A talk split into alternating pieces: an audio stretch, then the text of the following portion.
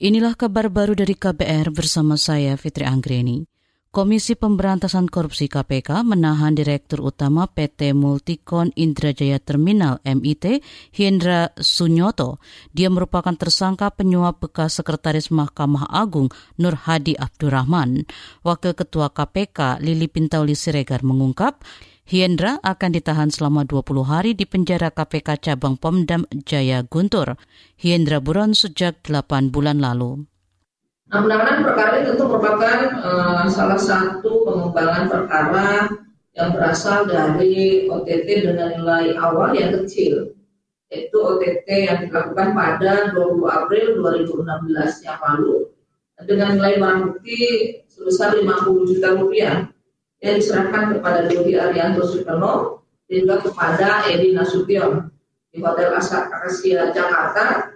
Dan dari perkara inilah kemudian uh, terbongkar Wakil Ketua KPK Lili Pintauli Siregar menjelaskan, Hiendra ditangkap di sebuah apartemen di bilangan Bumi Serpong Damai BSD Kota Tangerang Selatan, Banten kemarin pagi.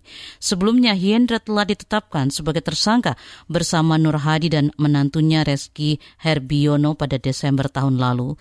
Hiendra diduga memberi suap kepada Nur Hadi dan Reski dengan uang total sebesar 45 miliar rupiah terkait pengurusan sejumlah perkara di Mahkamah Agung.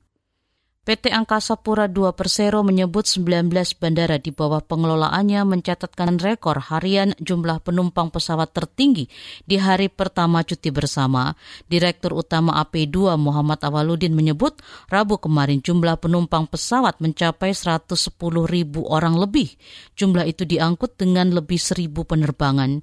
Jumlah itu kata dia melebihi catatan tertinggi pada 23 Agustus lalu yakni sekitar 95 ribu orang penumpang dengan seribuan penerbangan. Khusus di Bandara Soekarno-Hatta, jumlah penumpang mencapai 64 ribu orang dengan 600-an penerbangan. Awaludin memperkirakan pemberian subsidi pelayanan jasa penumpang pesawat udara juga mendorong kenaikan penumpang.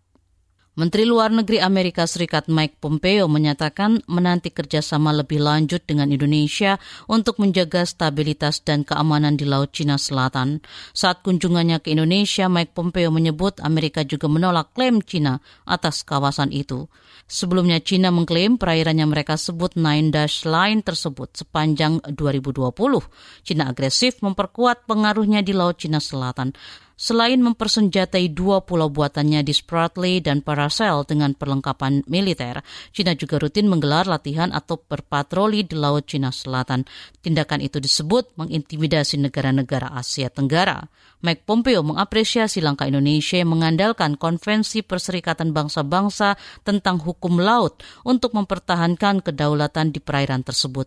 Dia mendukung Indonesia untuk menegaskan kedaulatannya di Laut Cina Selatan. Demikian kabar baru dari KBR. Saya Fitri Anggreni. Salam.